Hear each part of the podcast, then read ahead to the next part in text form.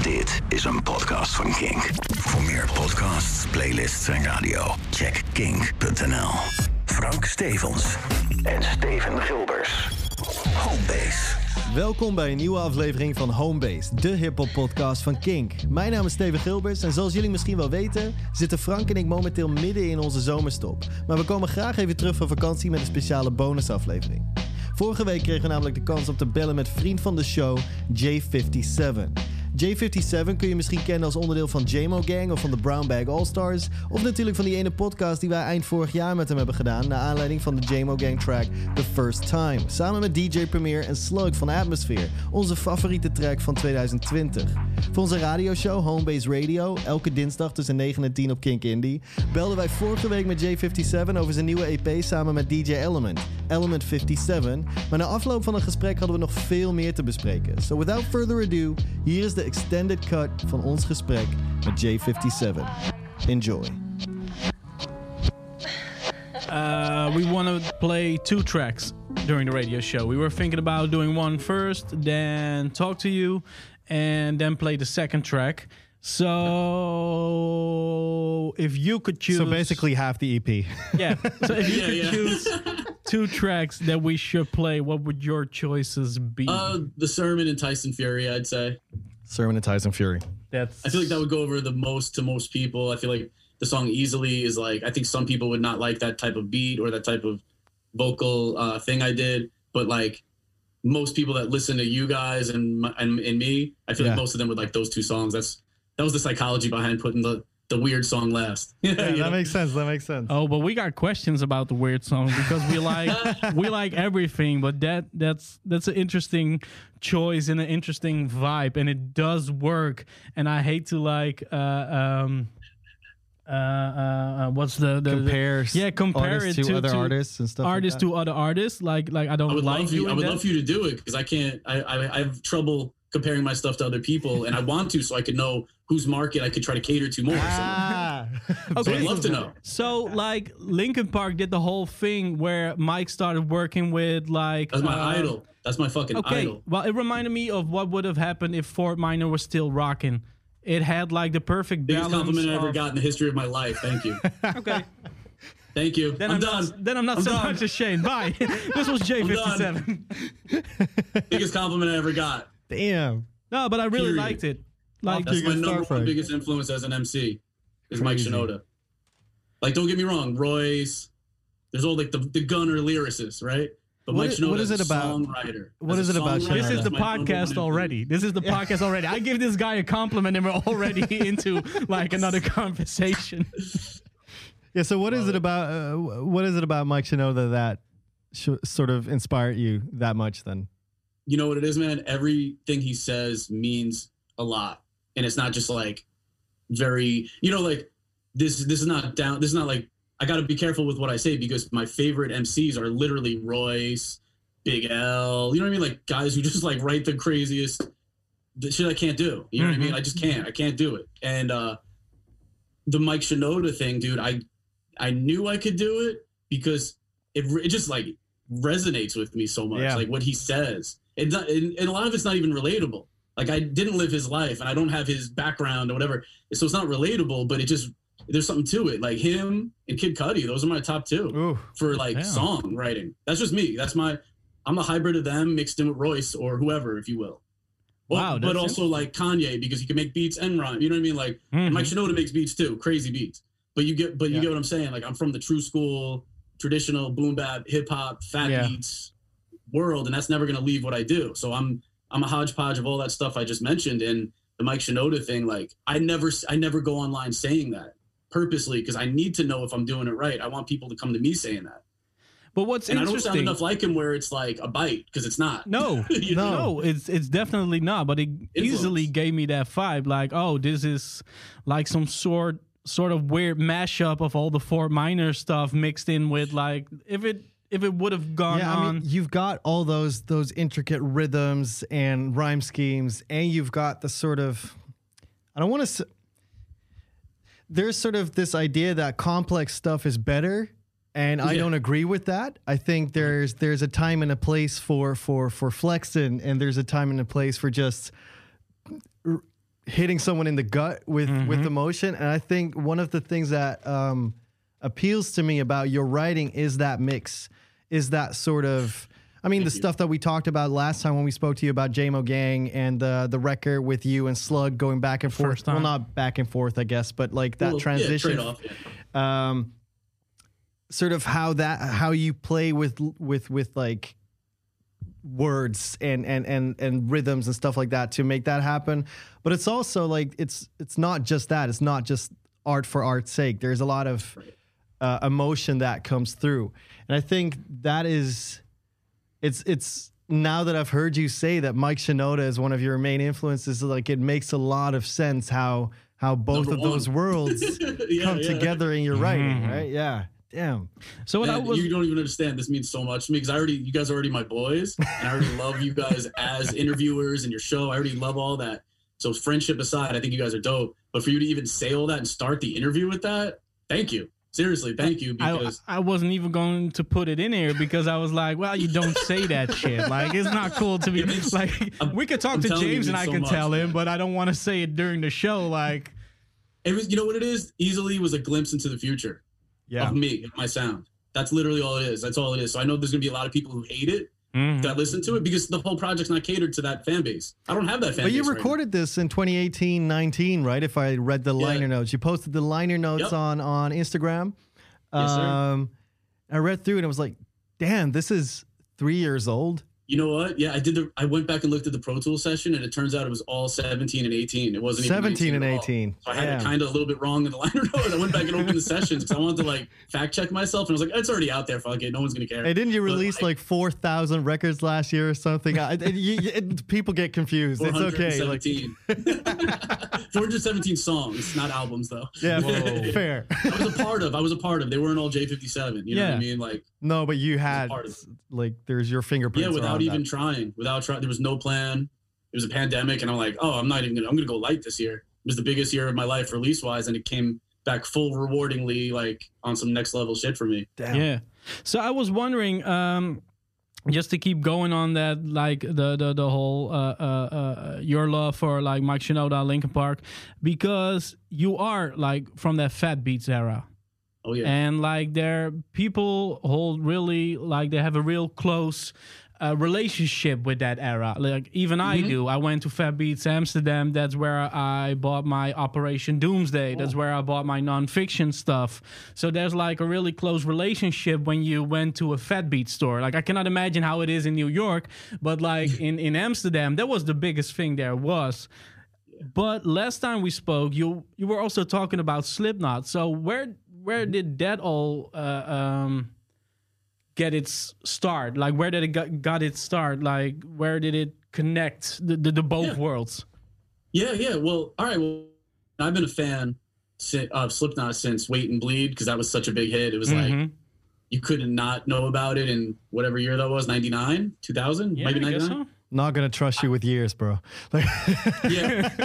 After that? So i got into i got into that on like because of how big it was and how dope it was. And then yeah right? And then um i only became friends with Slip- well not it's, it's a long time now i guess but a decent amount. I became friends with sid in 2016 Yeah. yeah. and it was um I was throwing my own show at South by Southwest, and um El Gant and Shabaam Sahdeeq were on the bill, and Gant was like fr- Gant was already friends with Sid and was like, "Yo, um, can can Sid be my DJ or perform or some shit?" And I was like, Yeah. "Wait, what? Wait, is this a question? Like, how are you asking me this?" You know, shouts to Gant, and he brought Sid with him. He was a, Sid was his DJ on on that South South by like run that Gant did. Gant was doing some really big shows. He was Yeah. he was doing a show. He did a show with like Raekwon that that time. He did like a Mm. bu- bunch of big shows, and he even came and did my little show, which actually wasn't that little. It was actually really dope. But he came, they came and rocked it, and I, me and Sid hit it off immediately. He was just like the best dude. Like immediately we became friends, and I was like, "Yo, I'm going to LA tomorrow." I'm like, "I'll see you there if you're gonna be in town." He goes, "I'm going to Iowa, but here's my assistant's number. Hit him up. Use my studio." I just met him like 20 minutes before this, by the way. I'm like, what? He goes, here's my number too. Take my number too." I was like, all right. So I FaceTime him when I get to, I call him when I get to LA. He FaceTimes me. He's smoking a blunt and he's like, yeah, I'm in Iowa. What's up? I'm like, oh no, I was going to go check out your studio, but like, I don't, I don't know, man. Like, is that, is you sure that's cool? I'll hit up your assistant. He's like, He's like, yeah, hit my assistant right now, dude. Go go use the studio. So I went there and used all of his equipment, kept you know made it immaculate, clean, all that. But that's how we became friends. I was like, this is a good dude, and Yeah. we became boys from that. You know, so shouts to him, man. But you were like a fan since Wait and Bleed, like since the first. Yeah, 16 years prior. Yeah, for 16 years I was a fan So since that song. Linkin Park, like what other bands were you listening to around that era? Because it Oh, was yeah. a big thing back then. Like at least it was Huge, here. man. Yeah, sure. Like, you know, I mean, back in high school, because I graduated 01. So in high school, in like 97, 98, 99, things like that, I was skateboarding a lot Mhm. with my Mm. friends. And one or two of my friends, we play like, you know, the stuff around that time. Honestly, some people might laugh at what I'm going to say, but like we'd play Korn, we'd play Deftones. That- You can't laugh about Deftones though, but like, yeah, or Korn. You can't. But I'm saying they're gonna laugh because they're hip hop heads that, that don't like shit outside of hip hop sometimes, right? So that's what I'm saying. Like you're gonna laugh for me saying this, but that shit is fire. Like Korn had joints, Yeah, Deftones obviously. yeah. Um, early, honestly, even early Limp Bizkit before all the, Oh, the smash yeah. hits, like Three Dollar Bill, y'all is amazing. They were hard. Yeah, they were hard joints. Yeah. and we would skate with that playing, obviously hip hop as well. It'd be Busta Rhymes. It'd be you know fucking Deftones. It'd be like all over the place, man. It'd be all over the place. Under, it'd be Del the Funky Homosapien. You know what I mean? Like we play all that kind of shit. It's a hodgepodge. It's like how I listen to music, dude. Like Yeah, in high school, I was listening to punk music just as much as I was listening to hip hop music. So, and metal as well. And uh, you know, when I got to jazz later, but man, it's just like a little bit later. But like, yeah, that's kind of where it all stems from. Like that's what I was listening to a lot of. Was my favorite MCs in high school were Del and Big L. You know what I mean? And then I, but I would be really into Linkin Park because that came out yeah. like that was like 2000 ish, right? So I yeah, was 2000. really into that. Yeah. Am I talking to myself thing. over here? Like I was just about to say we went like we went on a Frank and I we went on a on a little road trip like two weeks ago or something, and I think you brought uh, Deftones, White Pony, Significant Other from Limp Bizkit, Tribe Called Quest, Midnight Marauders. Yeah, you basically Yeah, okay. half the stuff you just mentioned was like the CDs were in the car, so it's like It's amazing. this is very Yeah, but I love that. Like, I still listen to that music and like I still love it. Like, Deftones is Fire. such a great band, and like there is the connection with hip hop. So that's why I was interested in like Yeah. hearing more about what kind of music you you Oh. you grew up listening to, and like what makes like you the the the, the artist you are. Because you cannot tell me like all of that music. Like I, I really love. This is a weird thing. When I make beats, I suck at playing bass. I don't know how or why, but I hate the the moment where I have to stop chopping samples and, and Same. beating out drums. I cannot do bass lines, but I love bass bass. lines. Like yeah. when I listen to like that old school, uh, not not old school, like the the the the, the second generation, the Prodigy, like Fat of the Land era Prodigy, yeah, yeah. where they had those like filthy bass lines, and it's like more of the punkish style, not the Yeah, rave yeah. Prodigy era, but the punk. Like I really love bass sounds and like the the shit Chi did for like Deftones. Like I love bass, but it's the one thing I love in my metal, but I cannot use in my own beats.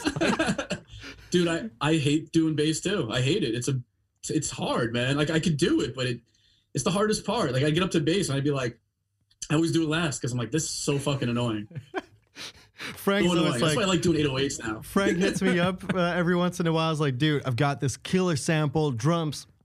You're gonna love this shit, but you gotta f- help me finish the bass line because I can't play the bass.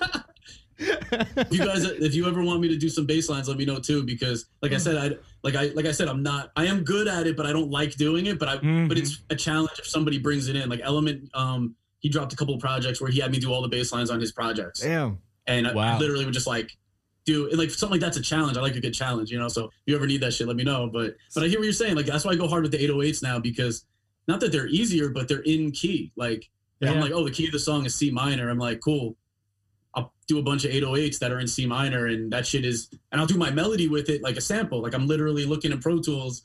I, I use it like samples. Like I'm not playing it on the keys, the 808s at all. I know a lot of Oh. people do that and they're dope at it, but I sample all the 808s. I got Oh, a million 808s, different octaves, different uh keys. I mean, different um tempos. Oh, that's fun. That chop 'em. never works for me. If I do No. your approach with 808s, it never works. It only works if I if I can play them. I don't know why, but oh, okay. That's how Harry Fraud is, dude. I've been in the lab with Fraud a bunch, and he he literally plays the, he plays the fucking piano out and then he'll do the 808s to the piano. Yeah. Yeah. And he's like, "You don't do it like this, Jay." I'm like, "I just can't. Like, I don't, I don't know. I don't hear the frequencies right, but I could do it if it's a sample. Yeah. If it's a sample that I'm looking at and I know it's in key, I could do it, but I can't play it. It's the weird. But bass lines I can play in key, but it's like pulling teeth to get me to do it. you know? awesome. Yeah. So uh, a while back, like I think a couple months ago, we were emailing and you were talking about like new music you were going to release, and you were Yeah. like, so well, maybe that release is not gonna be like perfect for like your crowd because you are trying new things and well we at home base like we're open for for everything we play a lot of different sounds so of course. if it's up to me, everything is is is something for home base. Uh, anything you do uh, would work during the show, except for maybe the Lord of Sleep. Like we have to talk about that thing. Like that's a whole different thing. But what made you um, go the route that you are going now, and and and what keeps you like with? Because I have the idea you keep uh, one foot on the ground of of of, of each side. Yes. Well Like, said. It's I not a that. I'm drastic change. I'm gonna use that if you don't mind. I'm gonna use that line. That's really good. It's really good very line. bad English, but. No, but it's well. All right, so I appreciate you acknowledging that too. That's really dope because I, I I pride myself in keeping it like my hip hop, but also teetering onto you know into other worlds at Mhm. the same time into other worlds at the same time. Um, yeah, man, like 2004, 2013, I started finally doing solo stuff. I never Yeah. did solo stuff yet. I did in 07, but I scrapped it all and started Brown Bag instead. I didn't have the balls to do the solo thing yet. I was in a group before that, Oh. TNK, Kill World, and that's the homies. And we kind of just started doing our own separate shit. And I started doing J Logic. I wasn't J57 yet. I was Mhm. doing J Logic shit summer 2007. And I was like, I knew I wasn't ready for it. It wasn't that I wasn't good. I just knew I wasn't ready for it because I had nothing to talk about. I was good in a group dynamic. And so I'm down with Audible Doctor, all the, you know, brown bag. bag. I'm like, yo, come to my session. Let me feature like 50 people on every song just for fun. And it became, that, those songs became the first tape. And like, that's how it started at least. And um, you fast forward to 2013, and that's when, I don't know, I got really influenced by Jay Electronica. Mm, I really yeah. loved him on the drumless stuff. Um, I know Ghostface was the first to do that with the song "Fish," I believe, and like other things. I know Ghostface started the drumless shit Mhm. in the '90s, but um, but Jay Electronica's uh, sun, uh, Eternal Sunshine of the Spotless, Spotless Mind, Mind. Yeah, freestyle, just which is just a whatever you call loop, no drums. Yeah, Yeah, just Beautiful. take the, the the Jon Brion score and raps over it, and I was just like, it just touched me in a way in my heart. yeah. And I was like, mentally, I was just into it. And I was like, yo, that makes me want to rhyme. and It makes me want to do shit. So if you listen to my first album that came out in 2016, there's some moments of that. Mhm. And a lot of that shit was from 2013. And even shit that's coming out in the next couple of years, some of it is from 2013, believe it or not. Written Wow. and re- recorded later on. But like, I hit The my stride original, with that yeah, 2013 shit. Yeah. You know, like, that's what made me want. So then 2014, my first project came out, Wax Aesthetic. I did only one out of the four beats to show that I could stand on my own and I didn't, you know, that kind of thing. But I featured mad people, so I did it wrong. And uh, in retrospect, but like I didn't have anything to say yet, really. It's the only song I produced was a song called Everybody's Gotta Live. And that was the only song I had something on. Everything else was rapidy rap. I was trying to be Royce. I was trying to be this guy, all my idols that I can't get on their level if I tried, but maybe I could come close sometimes. But like, you know, in, in certain ways but like I kept it just wasn't from the heart. It was contrived a little bit. It was good. I want people to go back and listen. It was good. But the only song that that is still really popular from that to people that listen to me is Everybody's Gotta Live, where it wasn't supposed to even be a song. It was like I had the studio until a certain amount of time. I didn't have my own studio yet. And I was like, oh, I got like a half hour. Let me just take some rhymes out of my notebook and loop up that one old soul song I liked, soul like psych rock or whatever it was, really. And I just did some like snaps, claps, hey with reverb. Started my whole style doing that. I was the first one to ever do that in fucking hip-hop and uh like you know what i'm saying? Like that was because i listen to folk music. Yeah. you know what i mean? So it was like yeah. it was the only thing that came from the heart. And then when it came out everybody was like this song's crazy i was like all right maybe i'm onto something. And i'm like but i was like not ready yet. And then time goes by and i'm like holy shit all i got to do is really just take all the music i really love that really really like hits me and hodgepodge that into like its own little Mhm. world and then talk about shit I know and don't do things. Like in two, dude 2006 we signed to Fat Beats we signed Black Milk. He came out in 20, uh, 2007 but 2006 we we signed him and I knew that because I worked at the store. So the the higher ups from the headquarters in Brooklyn would come to the store in Manhattan and be like we just signed this kid he's from Detroit you know what I'm saying he's da da da da da and he's dope so I remember being like damn and he's my age by the way so I was like exact same age so I was like being like damn I got to do some shit like that and I tried Hmm. doing it by myself, and I'm like, oh, I was embarrassed. I was like, I can't, I can't, because black milk is black milk. Why the fuck would I try to be somebody else? Yeah. And that's when I started. To, you know what I mean? So Yeah. fast forward all those years, the reason it's making sense is because it's really all from the heart, and it's beyond me at this point, dude. I'm an antenna. I let that shit come to me. I don't even. I'm writing shit down for sure. I'm freestyling a lot of stuff, little by little, because it's all from the damn heart. Like I scat. I'll just like put on a beat and I'll put on headphones and scat not no words like like just sounds like they do in pop Yeah. music It's the like flow. pop writing Yeah. yeah and i'll write to the i'll write i've been doing that for years now and I, I write to that shit and sometimes i say words in there and that becomes the song you know what i mean So this makes sense to me like the whole story uh, we've been going through now like uh, you talking about your love for like the metal music and the hip hop music and all the sorts of different artists you you have been listening to um it doesn't sound like you overthink it when you make it um, it's not like there's a big plan behind it. It's just like you said, it's coming from the soul, it's coming from the heart. This is what it is. Um, So I can imagine you can make like a real boom bap ish track, like one minute, and then keep working on another project, and it sounds like way different. When you release it, is that where the uh, um, where the the the the the, the Strategy comes in, or yeah stra- strategy that's a good Good word word. where the strategy comes in is Yeah. that where you Yeah. because you said like that song is from 2013 that's from 16 Yep. like is that where the strategy Nailed it. comes in This is the best interview of my life, guys. I just want to tell you. I get to talk about all the shit I always want to tell people, but I don't want to bring it up. Um, it's and we all just strategy. happen to bring it up. Is that it? You always, always, you guys continuously bring up all my favorite shit. I really, really did. I do everything strategically, every fucking thing. So Yeah. it's like 2018 and 19 is when I made that. Uh, eight- 17 and 18 when I did the shit with Element. We sat on it for a minute, and I was like, you know, that one could have came out around then too. But I was like, JMO Gang's gonna be big for me. Let's drop Mhm. that after so we could ride that wave a little something, right? Um, but then when it when JMO Gang came out, I was like, oh, it's still not ready. It's not time yet. It just didn't feel right. You know what I mean? But like, I know it has to come out nowish. You know what I mean? I know my boom bap stuff needs to come out now, and I have a lot of that. I've man, tens of projects done, albums done, uh, Mhm. my own solo wise, and also collaboratively as well. Mhm. So it's like I'm dropping all the boom bappy stuff now. You know what I mean on purpose, and all the bigger sounding stuff that people who like me now may. I mean, don't get me wrong, dude. I might be wrong, and like 75 percent of them may love everything.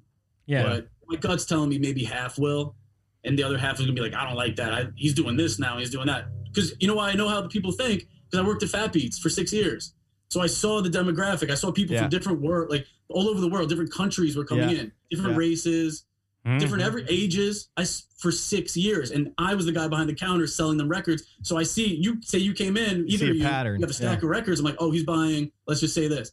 Oh, Necro, Non Phixion, Ill Bill, Gore-Tex. Okay, cool. I get it. Sabac. Yeah, he's into that shit. Yeah. Totally get it. Understood. Oh, he's buying. People come in. Where's your Where's your DJ Premier section? Oh, it's right there.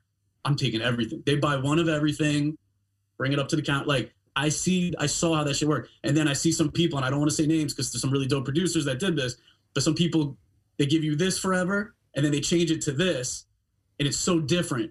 They Mhm. make like a whole different, like electronic or something. Yeah. And a hundred percent of the time, the fat beats demographic would come in and be like, "Yeah, he lost me. I'm not a fan anymore. I love the old shit." Blah blah. blah. And I'm like, "What?" But he's just trying something different. But like, people don't get that because they're not them. It's funny. You know You've what I mean? got Same thing as like you've got like what like all these comp all these DSPs like Spotify, Apple Music, what they're killing for is figuring out this algorithm that understands completely what what this one person likes so they can suggest the right stuff. Yeah. you Yeah. had that uh, 6 years worth of standing behind the counter experience of Yup. just that but for your sort of demographic.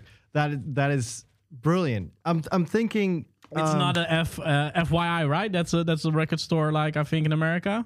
Oh, F- FYE. Yeah, like FYE, FYE's like yeah. yeah. random store. Like they have random stuff. You're Like, right. yeah, Yeah. it's not like so- it's you so weren't specified. working at something like that. You were working at Fat Beats. dude so fat beats. Like I had to earn my stripes to even be allowed to even intern, let alone I got hired. Like yeah.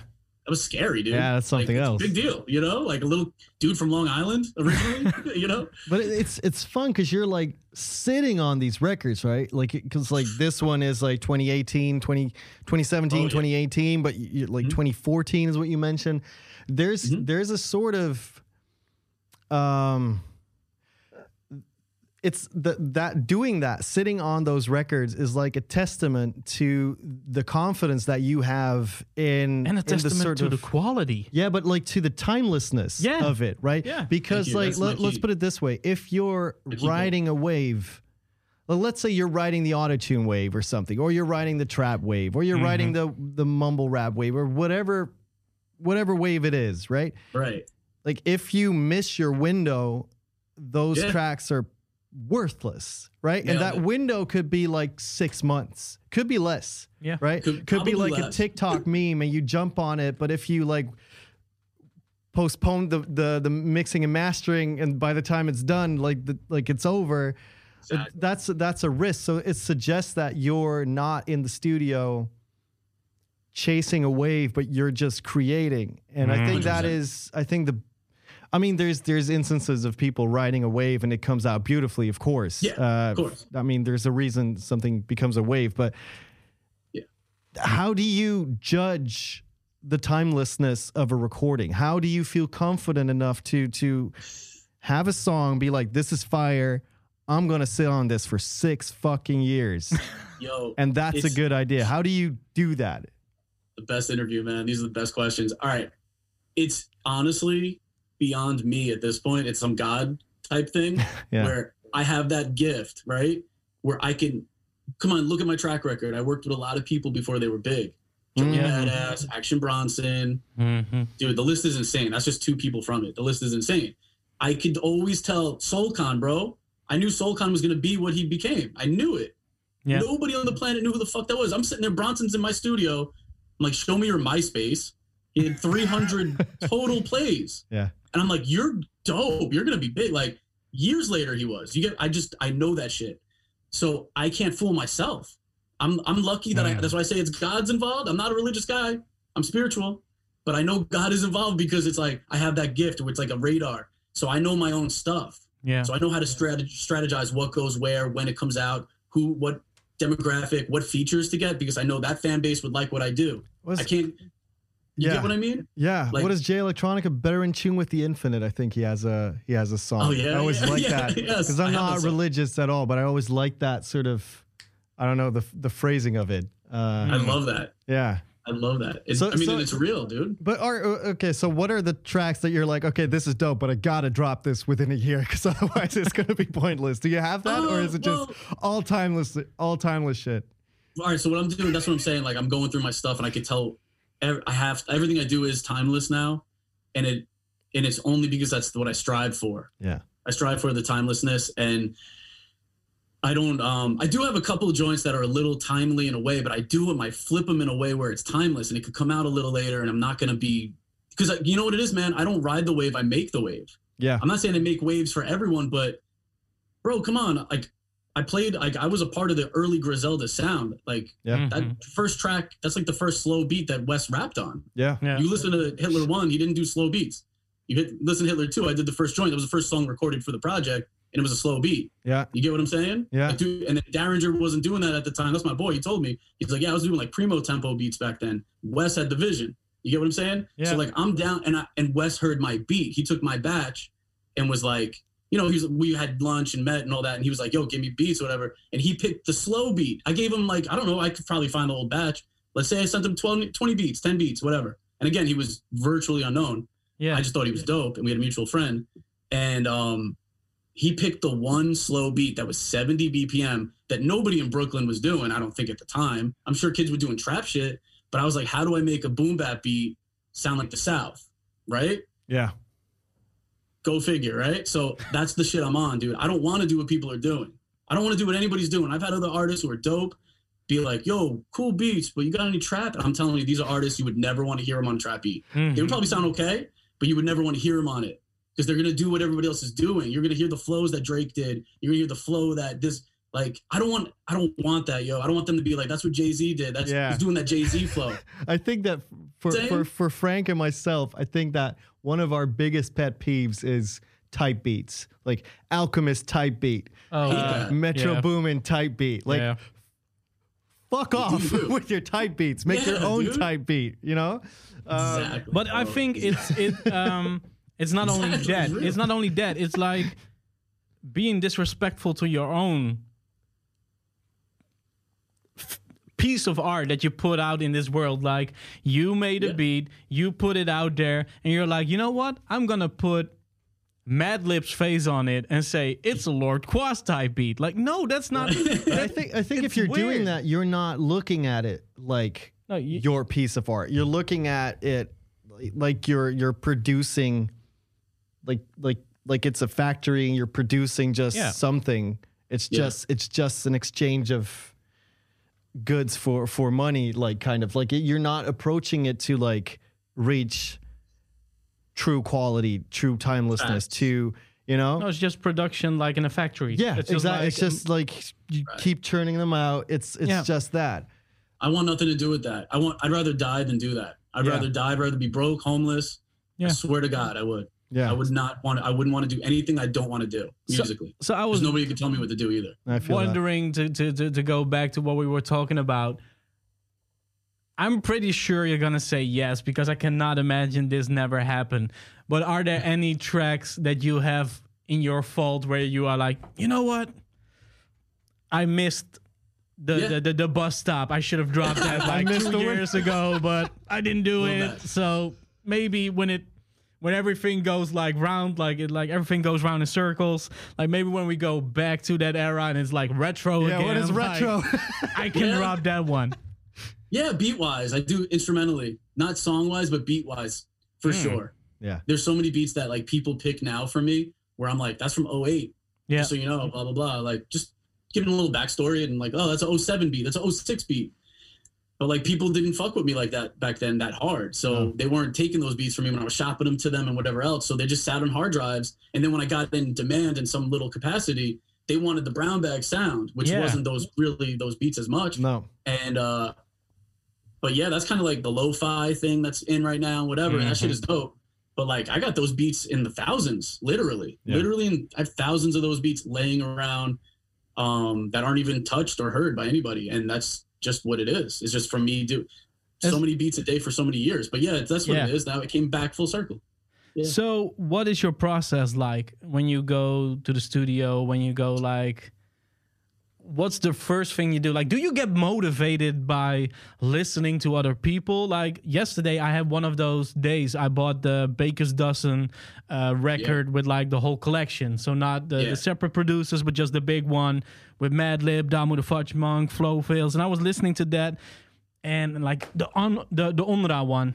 Like I need to play that for you. Oh. It's called Silk, and it has the same sample as one of our favorite tracks from last year, like one of those R and B tracks. Oh shit. I love it. But I was listening to that, and I was like, you know what? I need to make beats tonight. But Yeah. that's not always the way it works. So what motivates you? What is it like? I'm going to the studio, so I'm going to do this, or is it more like uh, a spur of the moment thing?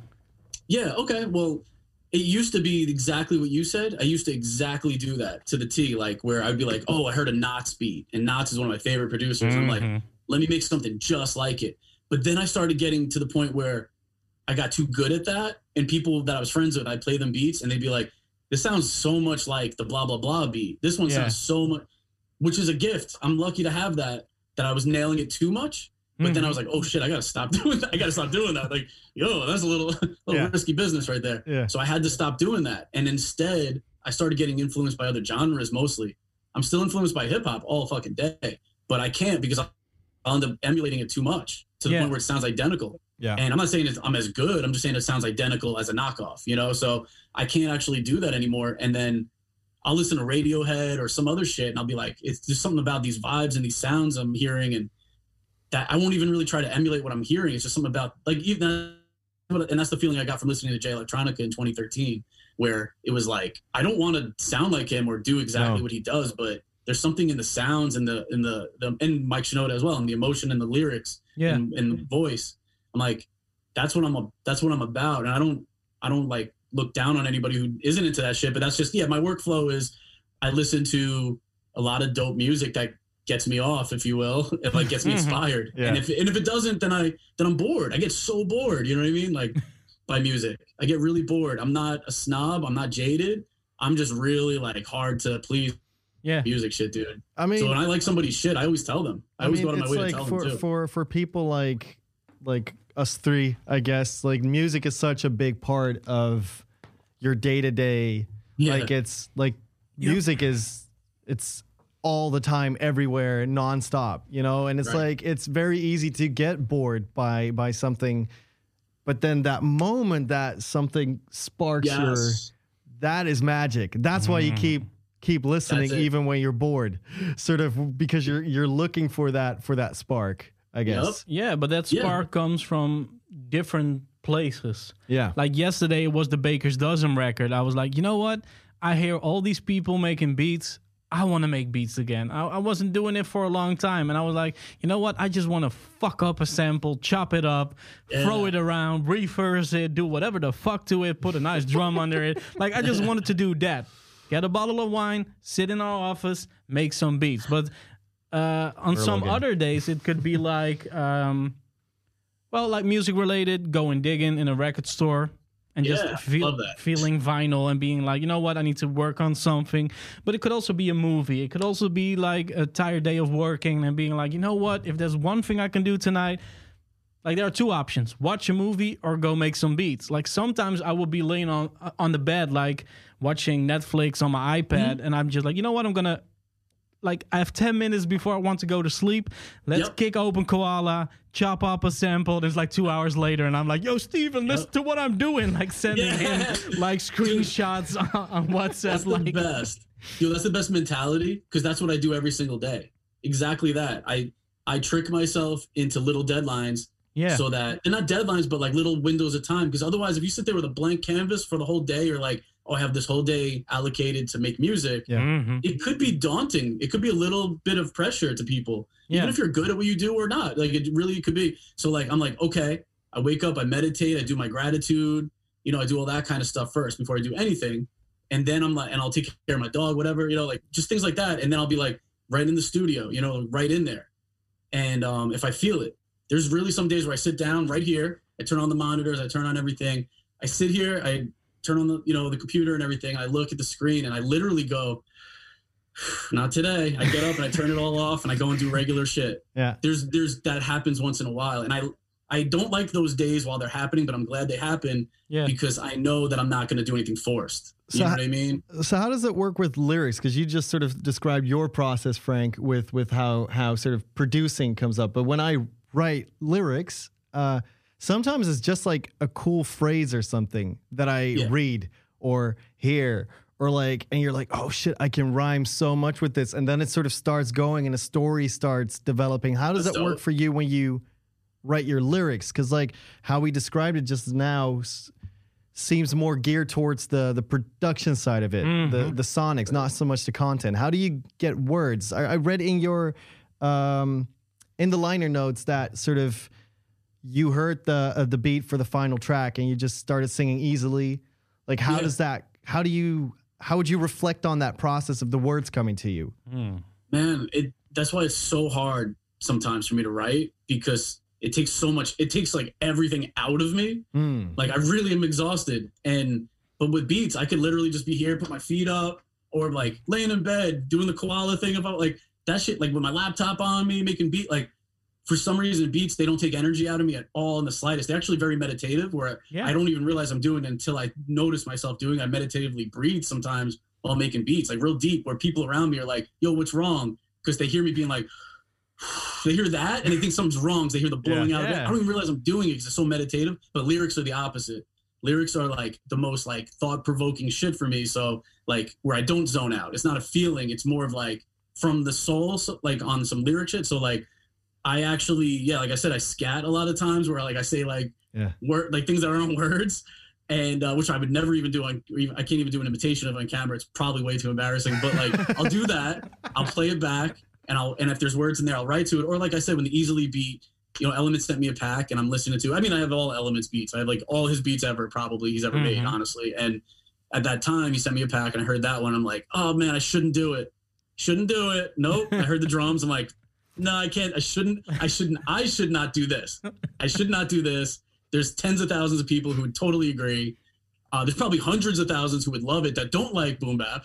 But I'm Mhm. like, that's not who listens to me right now, and I know what I'm doing. But so I let I sat with it for a second. Then I'm like, why the fuck am I going to live lim- like with limits? I don't like that. I don't like limits. I don't like limitations on things. Um, let me do it. Let me just fucking try it. And that easily lyric just started popping out. I really, like I said in the liner notes, maybe it's from the the the Red Hot Chili Peppers song, which isn't Yeah. even Yeah. like my favorite song by them, but maybe that's what it comes from. But like, I don't know why I just did that, and then I was like, oh, maybe I could talk about how we do this easily.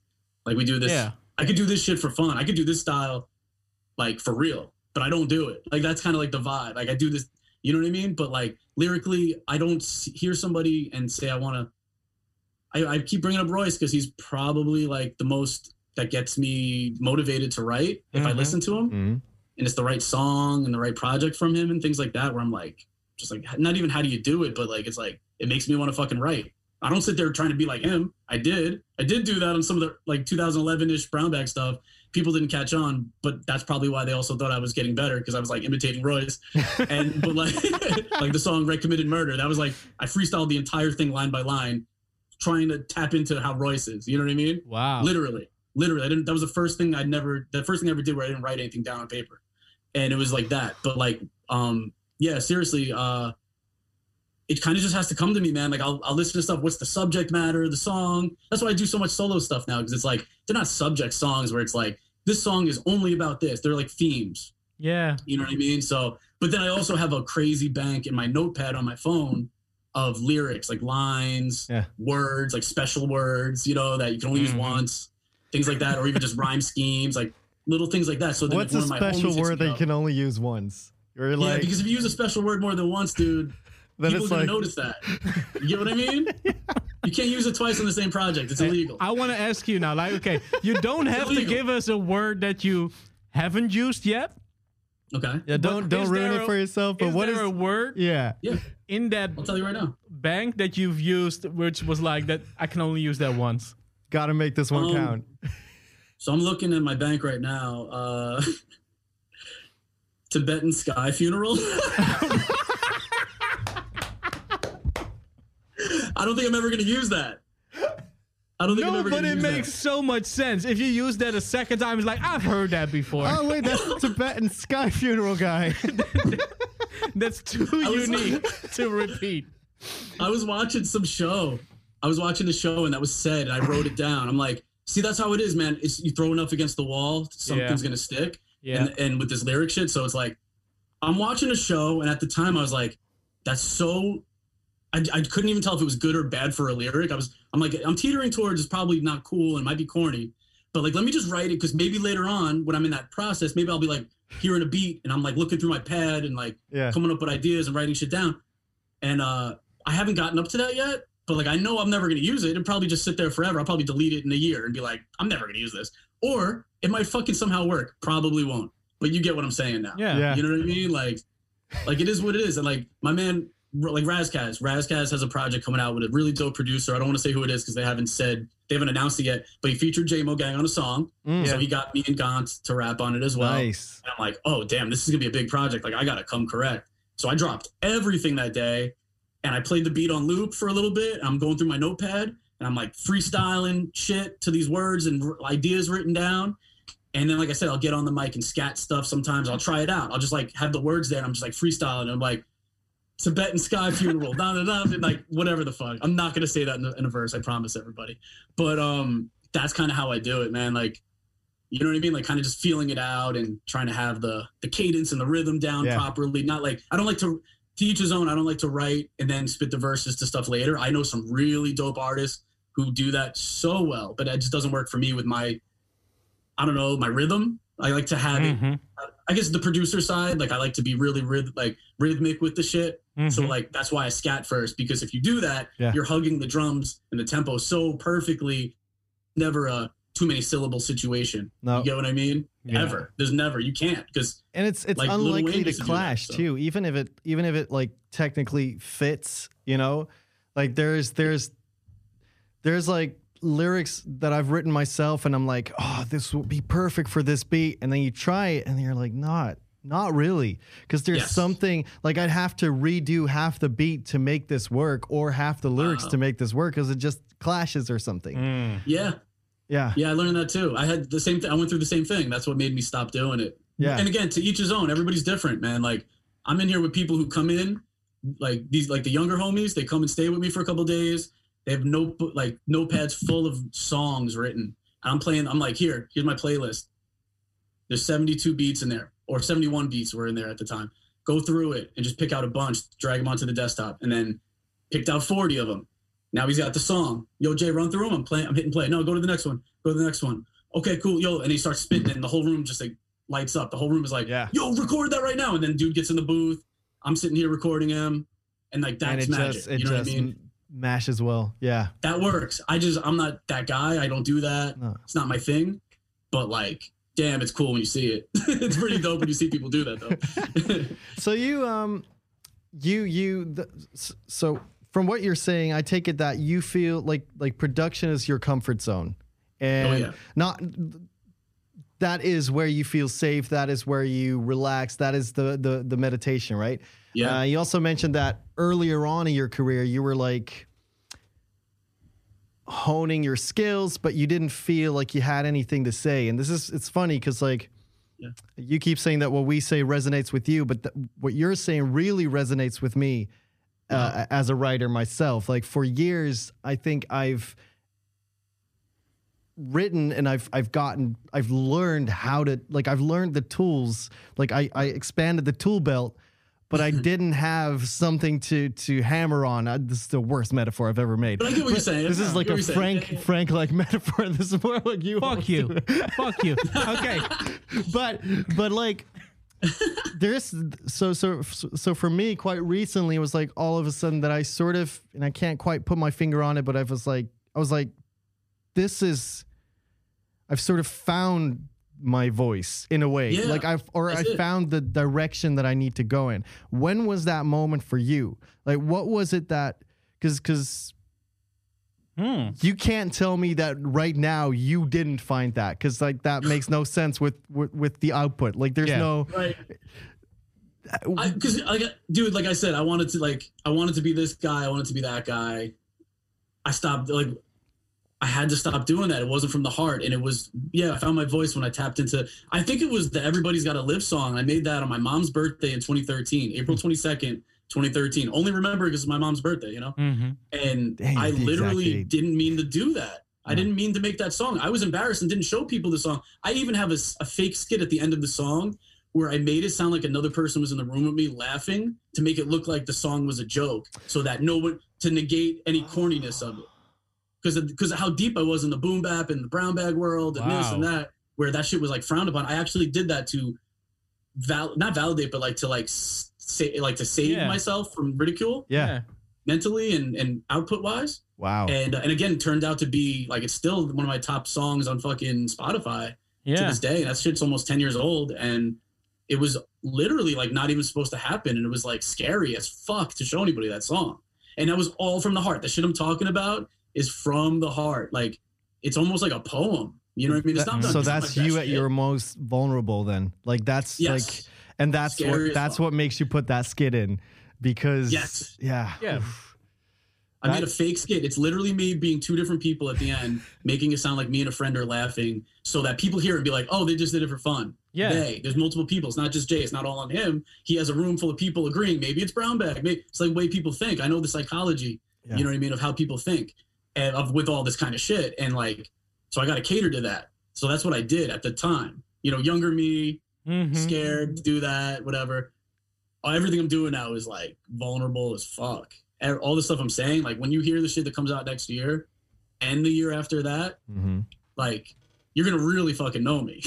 you know what I'm saying? Yeah. And I'm doing it so people could either relate to it or it's escapism. If you can't relate to the anxiety that I have day to day and deal with and know how to deal with now at an older age, you know, Mm. now in my late 30s, I know how to deal with this shit. Like, I didn't even know I had anxiety until a few years ago. I didn't even know. I thought I thought everybody else felt like I felt. You know what I mean? Like I didn't understand that. So I have songs now about it. That's why I like Kid Cudi so much because he has Yeah. a lot of the shit that that I have. so I fucking dig what he says. You can feel the pain even if he's not saying it directly. You can feel it. And sometimes you need that. Sometimes you do. Not all the time, but sometimes you really do. And I want to give that to people. You I'm what I mean? Really- give them that escapism or something to relate to.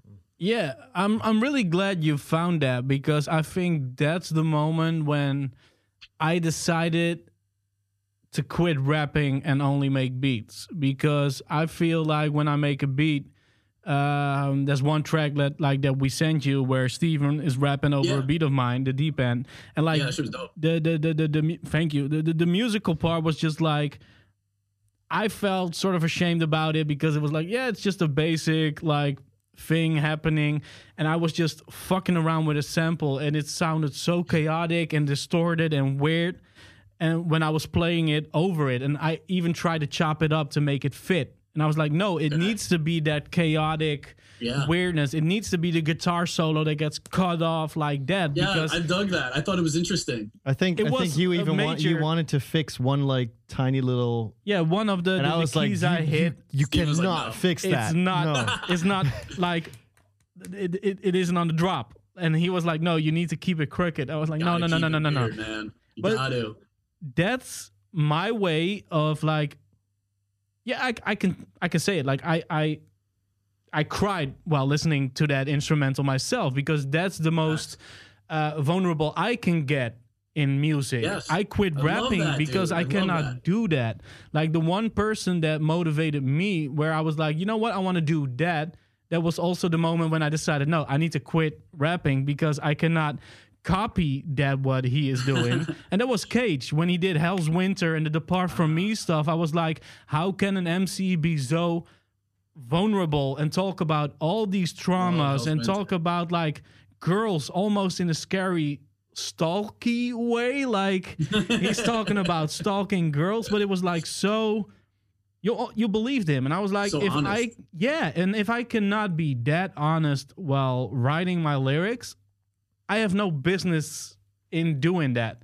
And that's what that. i found in beats. So i'm really glad that like you found that that perfect balance Oh, of, of yeah. doing both of like putting that into beats and putting that into lyrics because i think there's only a handful of people who really get in that position where they have I both appreciate that. I, I appreciate you sharing that, man. That's really fucking cool. And and dude, I, I'm gonna keep it a buck, dude. I've cried making after hearing back a beat a couple of Mhm. times, and then with lyrics, I'm on that shit every day. I'm here with a box of Kleenex crying. No, no, every like seriously, I've I've, I've probably done it in the past six months, eight months, yeah two or three times. okay so question and like this Literally. is this is what i like It's that deep. Yeah. it's that deep. But this is what I like uh, uh, about talking to you because it doesn't feel like an interview. We're just like shooting the shit and Oh yeah, we're Um, homies at this point. Come on. like what effect does it have on you when um there's one EP I made like way back in the days when I was still smoking weed and I quit after that and uh, uh, one of our uh, closest friends Gino um, he was listening to that and, and and he was dealing with certain things and he was like wow this matches my inner struggles perfectly Wow. so, how is it for you when people have a totally different connection to something you've made in a totally different mind state? Yeah. Like, how are you able to deal with that? Because I can imagine, like, we were telling you with the first time, like, that's our cup of coffee in the morning. Like, Oh, yeah. like, we get hyped up about that shit, but it could be like something that for you has a totally different meaning. Is that something you struggle with, or is that something that you can uh, appreciate? I could appreciate it. I, I yeah, I could appreciate it. It's like it doesn't happen that often right now, but like I think in the future because of the stuff I'm creating now that's going to come out in the future because I don't do I don't tend to do make the music drop it immediately. I only did that Mhm. once solo wise and that was anti-social media. Yeah. I made that at the end of December 2018, dropped it like on my birthday, February 6, 2019. So that's the only time I ever did that. Otherwise, I don't show my cards. I keep my cards You know, you don't see what I got. You know what I Mhm. mean? On purpose. And uh which is pretty cool to do, by the way. I, I highly recommend that to anybody because it takes away pressure. It also makes you as creative as you can be without any fucking like, no, I gotta do this. I gotta match that level of shit. Like that shit sucks. I've Yeah. seen people deal with it. That's why I don't do it. But getting back to what you're saying, really built off of what I've said as well, is like, dude, I think in the future I'm gonna get that a lot because of how deep the shit is that I'm saying now. It's not gonna alienate people. Like there's not gonna be people who listen to it that are like, I don't have a shred of anxiety. I don't feel any of the shit Jay feels. I can't listen to any of his music. No, there's not. It's not all like that. It's like there's a lot of relatable stuff. There's a lot of stuff. There's about a song about one of my best friends who passed away almost 10 years ago. And hmm. he was my mentor, taught me how to rhyme and everything, my man Ports. There's a song about him. I wrote in 2013, didn't have the balls to record it till his birthday, November 17th, 2018. And now, and I brought in a string section a year ago on it, not even end of last year. And now I'm getting the hook written and recorded by somebody very special to him to sing the hook. So like, you get what I'm saying? That Yeah. shit is about my man that they didn't know, but somebody could relate, being like, "Yo, I lost one of my best friends too."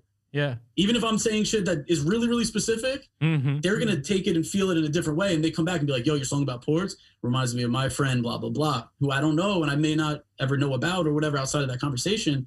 But like, that's just an example of one thing that I know for a fact I'm gonna get, and I'm Mhm. kind of excited for it because that's Ports' legacy lives on and their friend lives on through that as well. And that's what the point of that song is. That's all it is. It's it was also a therapeutic thing for me. Yeah. Like, let's call it what it is. That's why I did it. It was before I started even going to therapy and shit like that, you know, when I wrote it. But it's like with which I, you know, I love therapy and talking about it because it's just the best way to get everything out. And then you're like, oh, I feel free. Cool. Let me go fucking have a clear head and make music at, at the highest level I can make now because there's nothing clouding it Mm. but um you know yeah I, I don't know man. I think i have a lot of songs and a lot of ideas that people are gonna take it for what it is but then like you said they're gonna take it for another yeah they'll bring another reason.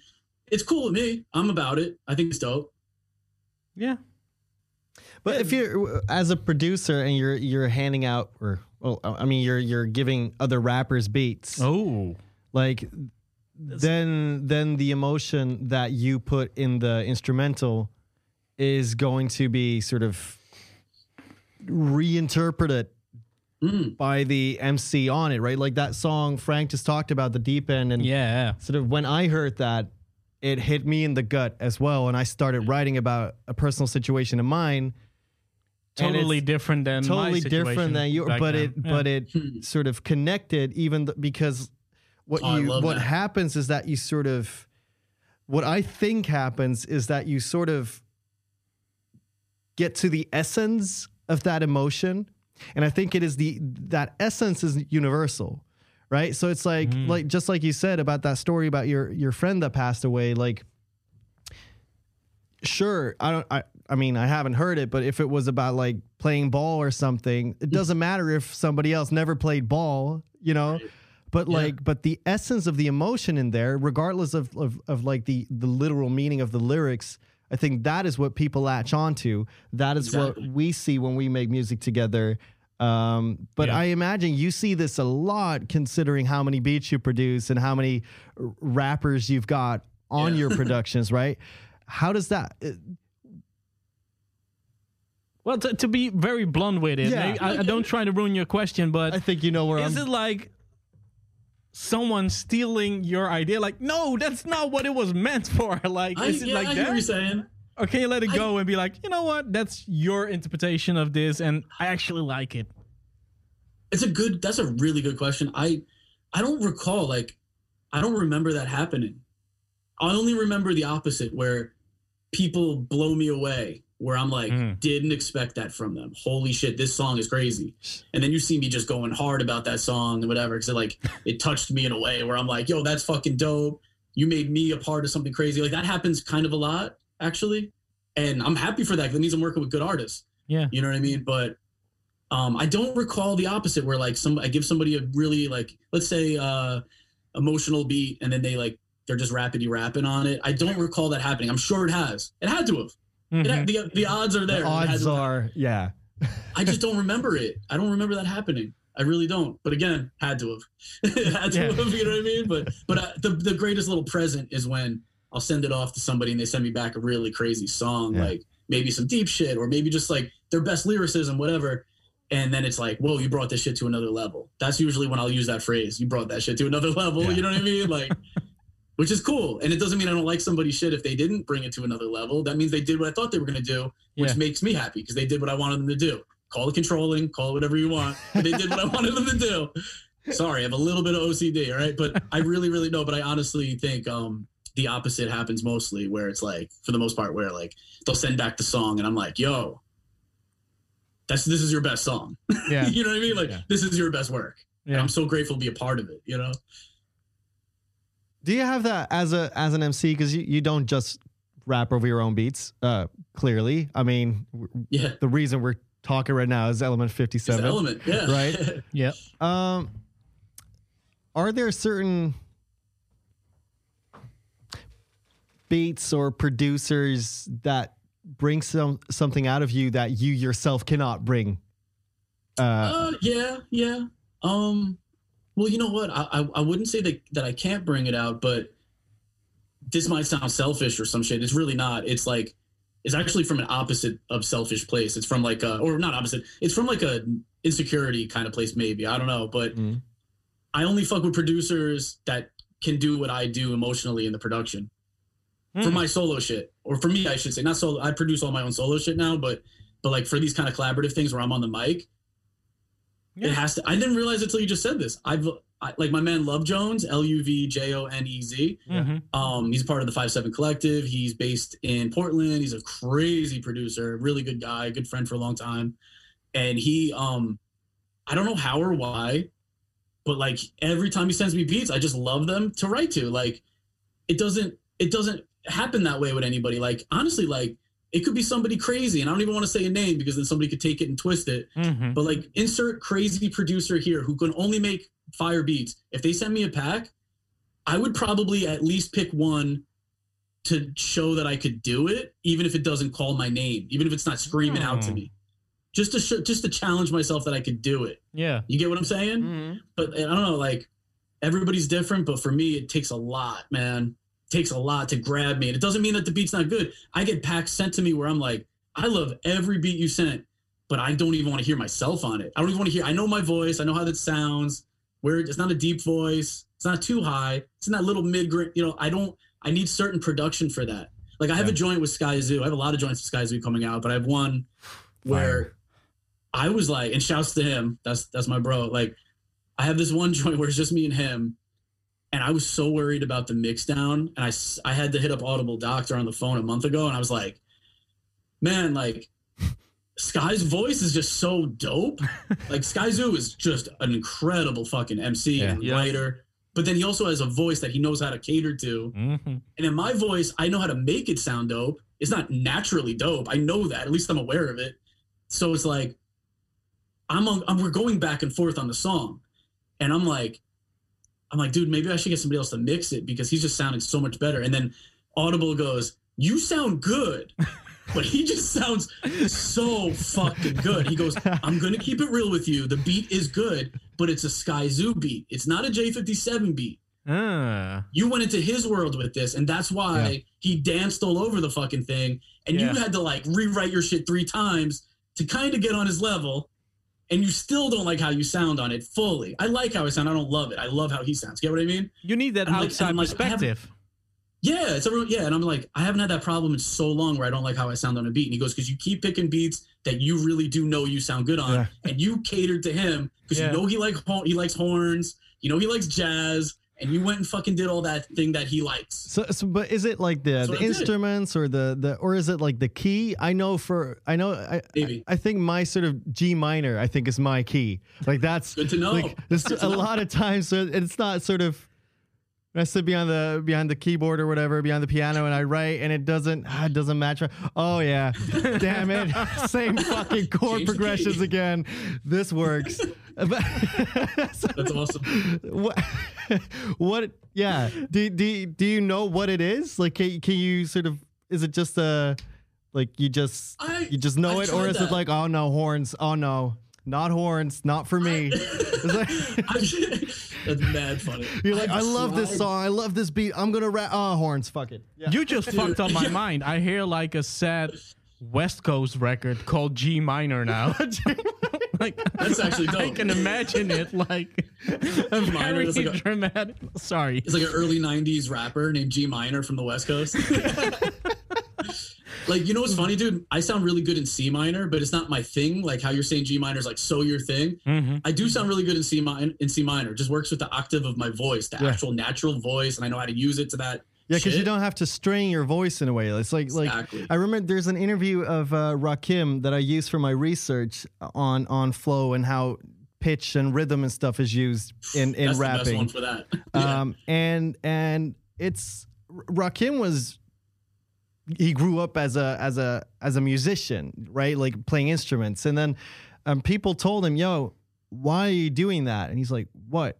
Why are you matching the key of the beat with your rapping?" And he's like. Am I supposed to do that? You know, but like nobody Genius. does that, right? That's a very, or nobody does that. Uh, Not many rappers do that. So like, Outside of the auto tune shit, it's really rare when they do that. Though. You're right. Exactly. And this is why It's like rare. this is why sometimes like why we can do remixes and the and the key doesn't necessarily have to match. But you cannot really do that with an acapella for Rakim because it's not it's not going to be in So key. good. right? Nope. But it's like Right. but but what you were saying with the what was a C minor? Yeah, it sounds that's really good that's where you don't have to strain your voice. That you can sort of just be natural with it, be be comfortable with it. Um Yeah. and and and then when you're comfortable in that position you can sort of play around more with the other stuff i think with the other dimensions of Yeah. your of your voice if you don't have to sort of so so maybe that's it I Ah, that's- you know, for me, the C minor thing is cool, but I always notice it after. I never notice it during the process ever. It's actually never happened. It's always been where I go back and I used a, an app called Mixed in Key, who I, which I highly recommend people getting. It's only 50 bucks. And I throw everything in there. It gives you the tempo, it gives you the key of the song. You just throw an MP3 in there. It'll come back saying 90 BPM, fucking C minor, whatever. You know, sometimes it's wrong, by the way. yeah That's actually a Mhm. fact. Sometimes it's wrong, but it is worth having because a lot of times too. right. So afterwards, I'll go back and check it out. Or if I'm doing shit where I'm playing stuff, then I'll then it's like I don't actually know what the fuck I'm playing. I don't. I never learned any of that stuff, so I don't know what. I couldn't play C minor if you pu- put a gun to my head. I'd die. Gun Yeah. to my head, I would die if you told me to play C minor. I don't know what that is on keys, but I know it vocally, and it just happens to be in my register or whatever the fuck it's called. But like with the Sky Zoo thing, dude, I don't know what that one is, but it's a good example. but it's not because c I didn't minor realize I was just catering to his shit. Like I was trying Yeah. to do what he does, yeah and I got to I just I shouldn't do that. But the song is really good. We shot a video for it. The song is really good. It's gonna come out next year. It's gonna be awesome. Um, I'm not discrediting the fucking song. I hope it doesn't come out sound like that. But I'm just saying, like, I'm aware that I'm in his world with that song. Yeah. And like you were saying with picking out beats, that shit wasn't my world. Like if somebody sent me that beat, I would have never picked it. I really just wanted to have him on the song. Yeah. yeah You know what I mean? And we were already working on his album and he's over every day or whatever. I'm like, hey, you want to get on something? He's always like, I keep telling you, I got you. Like, what can I jump on? So I'm like, all right, I got this one that you would like without thinking, how am I going to sound on it? yeah Like, that's something I have to be more conscious of. You know what I mean? Like, when I, but I got lucky, dude. I got other songs with other features like, like Blue. Me and Blue have a bunch of joints What? on my shit. oh I whoa, did whoa, like- whoa, whoa, whoa, Whoa, whoa, whoa, whoa, whoa, whoa, whoa. Last time you dropped Homeboy Sandman on me. Now you're gonna talk about Blue. Yeah, Blue. Oh, I got a lot of shit with Blue coming out this year and next year for sure, and probably the year after that. We have like, I did like five joints for his next album, beat wise. And James, then um, James, James, he James. did probably six verses for me. what are you trying to do shit. just take over our entire playlist for the radio show like we already Oh, play a lot of sky zoo and blue and now it's nj57 now it turns out that all those people are Yeah, we're all working on a lot of shit together. He's actually one of the nicest guys I've ever had here perform. Like he was here with XL Choosy, Pistol McFly. Like we had such a blast, and he's it. one of the nicest guys ever. Like I He had such a blast with him. So it's That's amazing. 83, bro. It's That's amazing 83 to bro right hear there. that you guys are working. and it makes sense Yeah, too. like he. it really he's makes the- sense Oh, he's just the best dude ever, man. I love that dude. And like I was saying, right? He's one of the best lyricists in my opinion of Oh. all time. He Yeah. really is, in my opinion. And I'm on a track with him, right? It didn't occur to me that I got to think about the beat, right? I, like that, like that. I was just like, oh, he would sound good on this. Again, not thinking how would I sound. I got Mhm. lucky on this one. I sound fucking. It's my world, baby. It's my world. It's my tempo. We're even on the shit. I didn't get killed on my own shit by him, even though like he kind of could do that in his sleep because he's that good. But like, it's only because the beat is my world and he adapted to my world. So now we are we made a great song. I think me and Sky Zoo have a great song on that song that's coming out. Yeah. But it's his world. His fans are gonna eat that shit up. They're gonna love that because it Yeah. sounds like it's Sky Zoo song. And at the end of the day, the blue song sounds like a J57 song. You get what I mean? But they they can live on the same project cohesively. That's dope. So I can just imagine you like you're you're you're you're looking at the camera right now, like over here behind your camera. I can imagine there being like a whiteboard with all these fucking release dates and like projects you're working on because you were talking about like, well, Oh, next shit. year, well, Well, there's ten of these scattered around. No. the floor- ah. around the floor. Ten of them. This is just one project. These are all solo, vocally, self-produced project. Shit. There's ten of those around the floor, and I have four solo projects, self-produced, that are mixed and mastered, artwork done, music videos are done, all that shit. So like, yeah, the whiteboard I used to do that in Brooklyn, like the Brooklyn old studio used to do that shit, but now I don't. I don't do that anymore because there's too much going on. I have to like, I'd be like, what am I working on today? Oh, this project, cool. What do I gotta do? Oh, I gotta just do one verse for this song, and then I'm done with this project. Nine songs, cool. Let's get it. like that's how that's the motivation because you see it. If you don't see it, Yeah. it's harder. It's it's daunting, dude. It's it's Yeah. a lot. Yeah. You know what I mean? It's just like it's just it's all it's just method shit, man. It's just method to my madness kind of stuff. That's all it is. You know, It- dedication, discipline, and strategy. You Yeah. know, preparation, the whole nine. it, it's funny to see like uh, uh, uh, uh, we we we called you to to to record a little piece for the radio show, and we still have to get to that part to talk about uh, uh, Element Fifty 70 minutes later.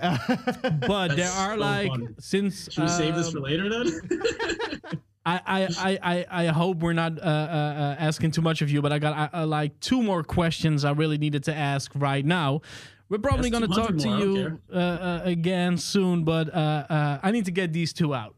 First off, um, let's let's let's hit a different direction and then go back to something we spoke about earlier. okay. Okay. Um, what is the five seven coll- uh, collective?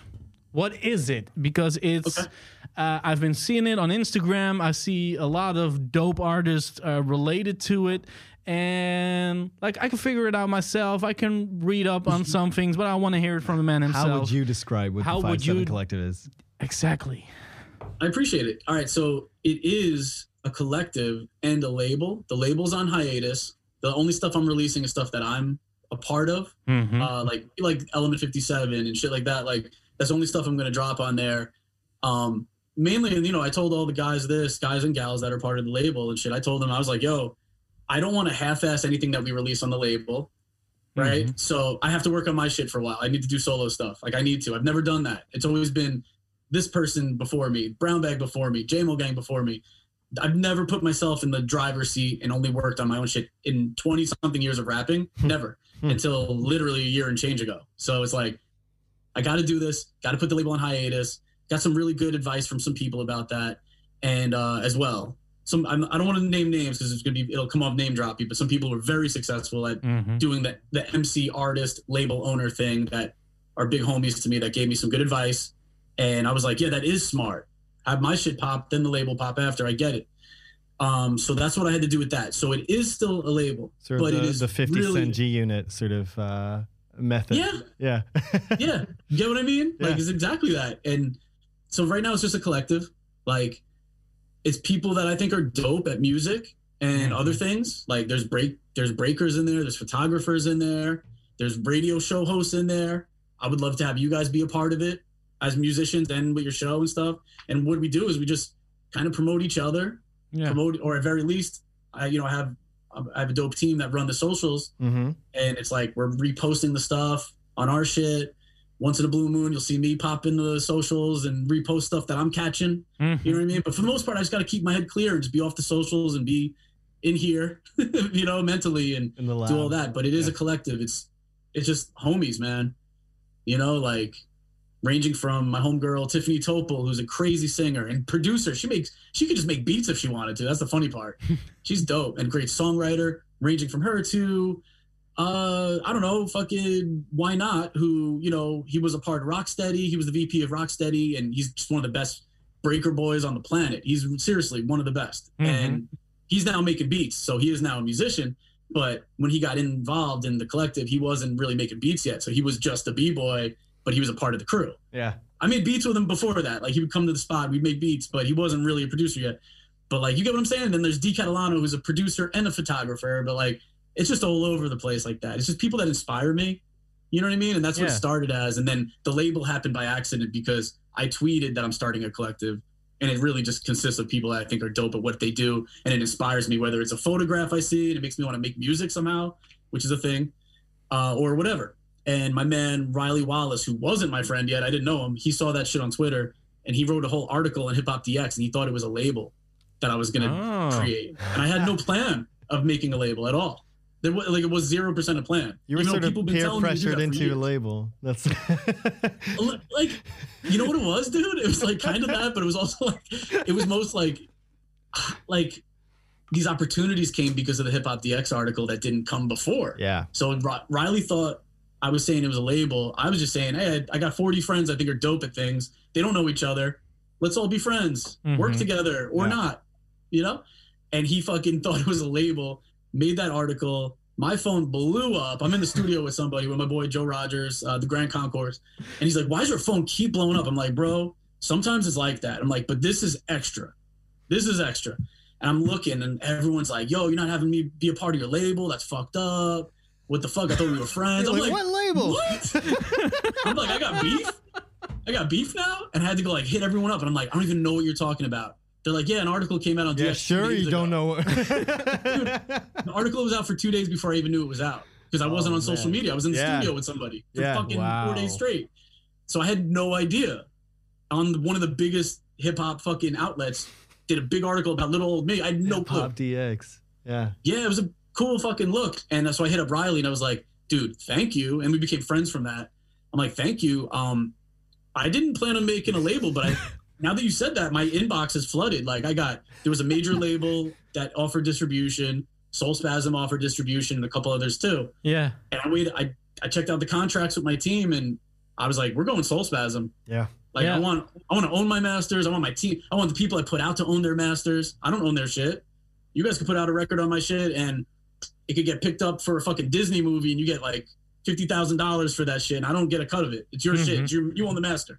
You know what I mean? Yeah. Like that's to me that's right and that's fair. Yeah. I don't think I don't think it's bad if you do that with another label. If like somebody signs with a label and they own certain shit and over X amount of time, it's not bad. But I'm independent for a reason. Well, man. I can think if you can, you have a choice to sort of, you you look at the record industry and you see sort of this diseased system, you could say, and you have a choice to perpetuate that system or to like break the chain and, and go another Exactly. route. And I guess it's, I mean, it's admirable that you're picking that, um, that you're not getting the 30% or 20% from that 50,000 Disney deal, hypothetically, you know? So, like, Yeah. yeah. I mean, if somebody wants to break me off and they're like, "Hey Jay, let me give you a little five percent for that," I'm not gonna stop them. but, but, like, I swear to God, I wouldn't care if they didn't. I wouldn't No. be like, "Oh, that's fucked up." Like, I, I really wouldn't care, man, because it's all every. You get what I'm saying, but I appreciate you Yeah. saying that, man. It's like, it's just what I want to do. I sleep better at night knowing that I'm not fucking anybody over. You know, like Yeah. That's I'm good. treating everybody how I want to be treated. That's just how I do shit, really. So That's good. that's that's all it is, man. Like you know, I've evolved as a human. I've progressed. I've become a better person over time, and whatever else. And it's like every year, you know, every year. I made I did a lot of great stuff during the pandemic to evolve as a person too, and and learn about myself and things and whatever. And I'm glad that I I'm glad that I do what I do with this shit, man. Because I try I'm trying to give people a platform that don't have one, you know. And that's why I had to be on hiatus though for for a bit because because I put a lot of energy into a lot of people, and that's great. And I'm grateful that, that I had that opportunity, and I don't regret it in the slightest. It's it was a beautiful thing, but I need to do me for a little bit so that I can do more for other people later. You know? I, I this is this is the hard part because I think like this is a perfect way like to to, to end this part of the conversation. But I'm just gonna But you fucking do it. I- questions. I, I, prom like I already put it out there. Like I got two more things, and one of them is gonna take it back to something we were talking about earlier. and I'm go, like, go. it doesn't matter. No, but I really I really do want to know. You keep mentioning that you worked at Fat Beats, and we cannot just skip over that part. Like, like, oh yeah, it's cool. He worked at Fat Beats, but let's not bug him about it. Like, what was that like? Uh, like, it, Fat. Beats is like such a big thing for like, ah, it's Tell us about it. Like, like, like, what era was it? Like, can you name some of the the, the major records that came out when you just started there, and and what you were Everything. seeing? I can name everything. Anything you ask me, I could. I remember all that shit. I have so much stuff documented too. And like, yeah. So I started interning September 2004, and I got hired May 2005, and I worked there until the store closed September 4th or 5th, 2010. Hmm. And uh, man, it changed my life. It changed my life. No matter what I go on to do, Mm-hmm. that shit would not happen if that shit didn't happen. You get what I mean? It wouldn't. Yeah. And I'm so grateful for it. And aside from my music and my career and all that shit, fuck, fuck all that for a second. Just that experience. Say I didn't make music and I'm just a hip hop head that just wants to be there. God damn, I could have died happy after that. you know what I mean? Like, I met fucking Kool Herc Oh, at the store. I met Premier. I met Eminem. The list goes, and I got to talk to them. whoa, whoa, whoa, whoa, whoa, whoa, All three of those people, I got to talk to them. It wasn't like, oh, it'll be twenty ninety nine here, uh, whatever. Like, You um, debit card, cool. It was like, I talked about hip hop with Eminem. I met the guy who created hip hop, Kool Herc. I became friends with Premier, not from Fat Beats, but he knew who I was from that shit. Mhm. Like that, if that doesn't sum up my experience there, and let's also go to this. I was a diehard Non Phixion fan, still am, for years before I became friends with Eclipse, who became like the big homie to me.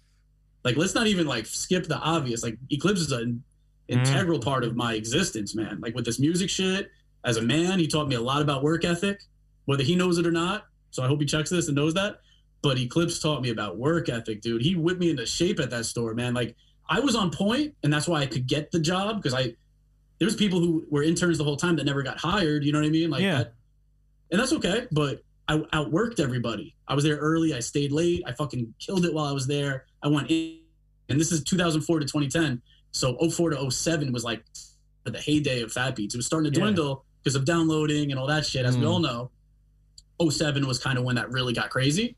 Uh, but like, and I don't know about for the store, but I mean in the world, Mhm. but like, it was still a part of the heyday, even in 04, man. Like, we're talking like hundreds of people all day, every day coming in over the course of the day, like making so much money in a day. Like, not me, but the store making so much money in a day because yeah. it was like, yeah. not me at all but no like i was so broke back then but like um it was depressing.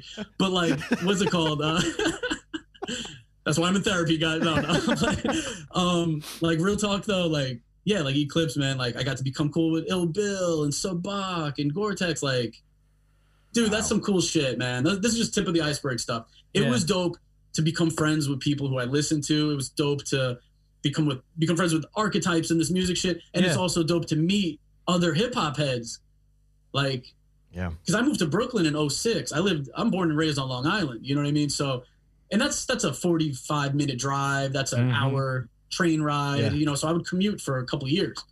And um and I was still I was finishing college at the time on Long Island, so I kind of had to do it, you know, I couldn't really go back and forth like that. But man, but like being on Long Island was awesome and all that shit. No matter what you hear about the island, there's almost two different worlds on there. There's the world that people want to talk shit about, and there's the one that I was a part of, which was like woke ass people, whatever, like normal people that Yeah. love and care for other people and whatever. But like, you don't really have a. There was the cop shop, which was like the fat beats of Long Island that my man Eddie Eder, you know, had, Mhm. and it was so cool. And I got to meet Esoteric at the cop shop and Cage and Mr. Eon and Yeah. fucking uh, Destroy and Q like all these people I met at the cop Shop. Didn't become friends with them. Only Esoteric I became cool with from that. But then later on, I went to Fat Beats and I got to actually like meet people like all the time and other customers that I pretty much was still a customer even though I was interning and working. Yeah. It was like a really dope experience and like it just I don't know, man. It was like the best fucking feeling like just to be involved in it. I was so scared. I was like, I gotta. I'm like, I'm from Long Island. I got to know more about EPMD. I need to know more about this. And, Yeah. Like all these things. Like before I go there and get quizzed on it. Like that's how I was thinking. You know what I mean? And, and those You're things are get real. That kind of tested. shit did Yeah, happen. yeah, yeah, yeah, yeah. But I can You know, like- imagine, like, it, it's it, like you said, you would be there on time, stay late. But I can imagine it's not because of you trying to be the best version of you that you can be, but you really wanted to be there. Like I saw all the footage from everything that happened there, but I've only been to the Fat Beats that was here in Amsterdam. And Yeah. that for me was like a two hour train ride. And I would like literally go there just to go to Fat Beats, buy dope. records, and take the train home again. Like I would take that ride like for I, I would just do it because I wanted to go to Fat Beats, but it looked amazing. There was a certain vibe hanging in that space. And whenever I see like small YouTube clips from like all the other locations, I get the same feel. It was like ah, I, it, it's hard to explain. Like it, Oh, the shutters know what you mean. open and and and the way records were on the walls like i think it was the same thing you guys had like the black uh, uh fucking uh, steel wire things Yeah. it wasn't like the, the the little oh my god and it would be stacks in there and then they had a little Yeah. basement you go downstairs and you couldn't like your your head would be here and then the the, the ceiling would be oh, here Oh, that's what it was like there. yeah, that was downstairs. and That would be like oh. a DJ playing there, and then all the way in the back, I found the MF Doom stack, and I was like, "Holy shit!" They got everything. They got the old twelve inches and everything, and I would go insane over there. And then you go Oh, upstairs dope. again and see everything on the wall. It really felt like a place you wanted to be at.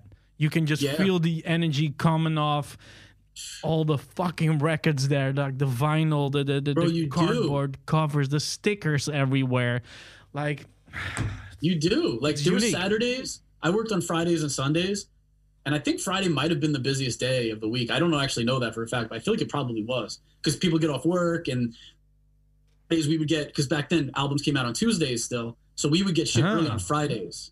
We would actually Yeah. somehow get it on Fridays. I guess Eclipse had the, the plug. You know what I mean? Yeah. So we would get a lot of albums early, and uh, so people would come rushing in. But I remember, I remember there being some Saturdays where like I would come in, and I remember the mm Food album came out, mhm. and I was an intern at the time, and I came in from LI. I had a meeting with somebody. I mean, He was having this dude was bringing me in to be like a marketing guy. I was going to college for marketing and you know communications and things like that. And he brought me in to do marketing for his clothing company called Dirty Waters.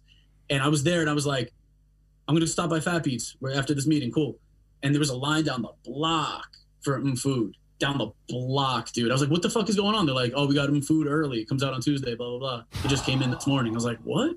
Shit. and like like that's real for a cd you know what i mean like for a Yeah. cd in real time like you don't you're literally probably never gonna see that again kind of which is sad but but like that's the shit i saw dude i used to sleep at fat beats like when i was living on long island and i would commute like i would work until nine o'clock at night on a friday. Yeah, and there was honestly t- and then i go to chung king studios which is not around anymore but chung king is like one of the most legendary music studios ever in music not even just hip-hop and but so many classic hip-hops from illmatic to whatever so many cl- uh, hip-hop albums came from it. Yeah. you know they did illmatic there and all this other shit. And my boy dj goo early brown bag you know pioneer. Yeah. he was a pioneer of that shit. That man fucking was in there like with Lil Wayne for a whole summer recording him, Nas doing the the I guess the Untitled album or the N, whatever whatever the fuck it was yeah.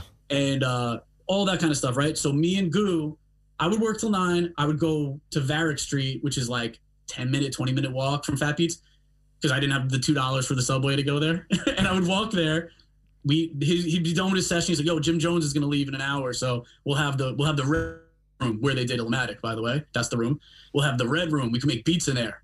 So he plug in his MPC. We're making beats on those big monitors. I'm getting in the booth that Nas did Illmatic in. I'm recording verses and we'd crash on the couches.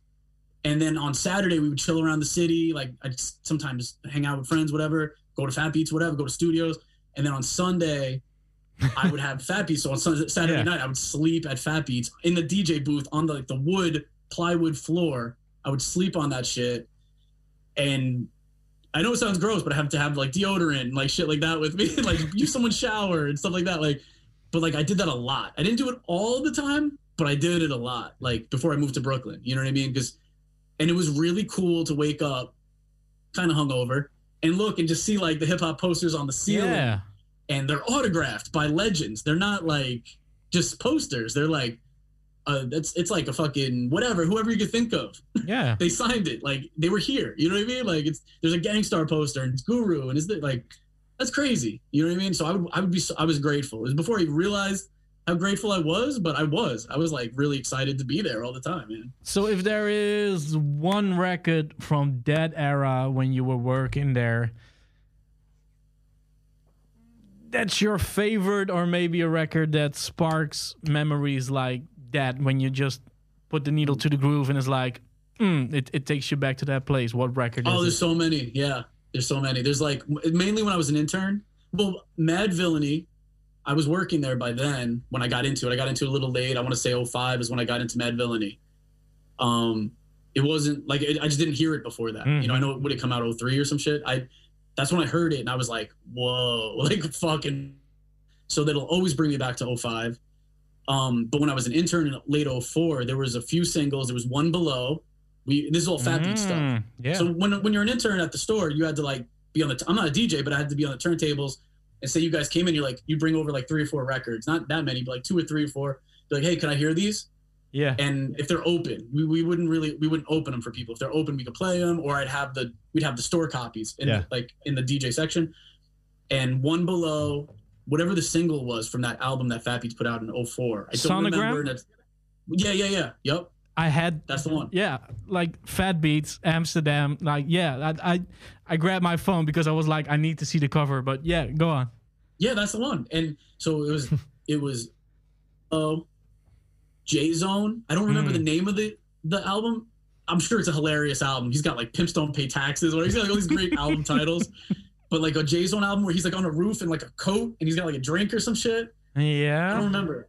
But that shit, when I hear that, it always brings me back. And I remember being so thirsty, like literally thirsty, and I didn't have the balls to ask if I could go downstairs to buy a drink because I wanted to still like, I wanted to be the guy. I didn't want to leave. I didn't want to be annoying. Yeah. You know what I mean? Like I wanted to, I wanted them to be like, who is this kid? He works his ass off. I remember seeing him holding the drink and like literally being so thirsty and being like, fuck, I wish I had that drink, but I got to do this. I got to fucking earn my stripes here. You know what I mean? So I see that cover, it, ma- it makes me think of that Yeah. psychotic ass fucking grind that I was on, and then uh like some psycho shit and fucking um, what else, man?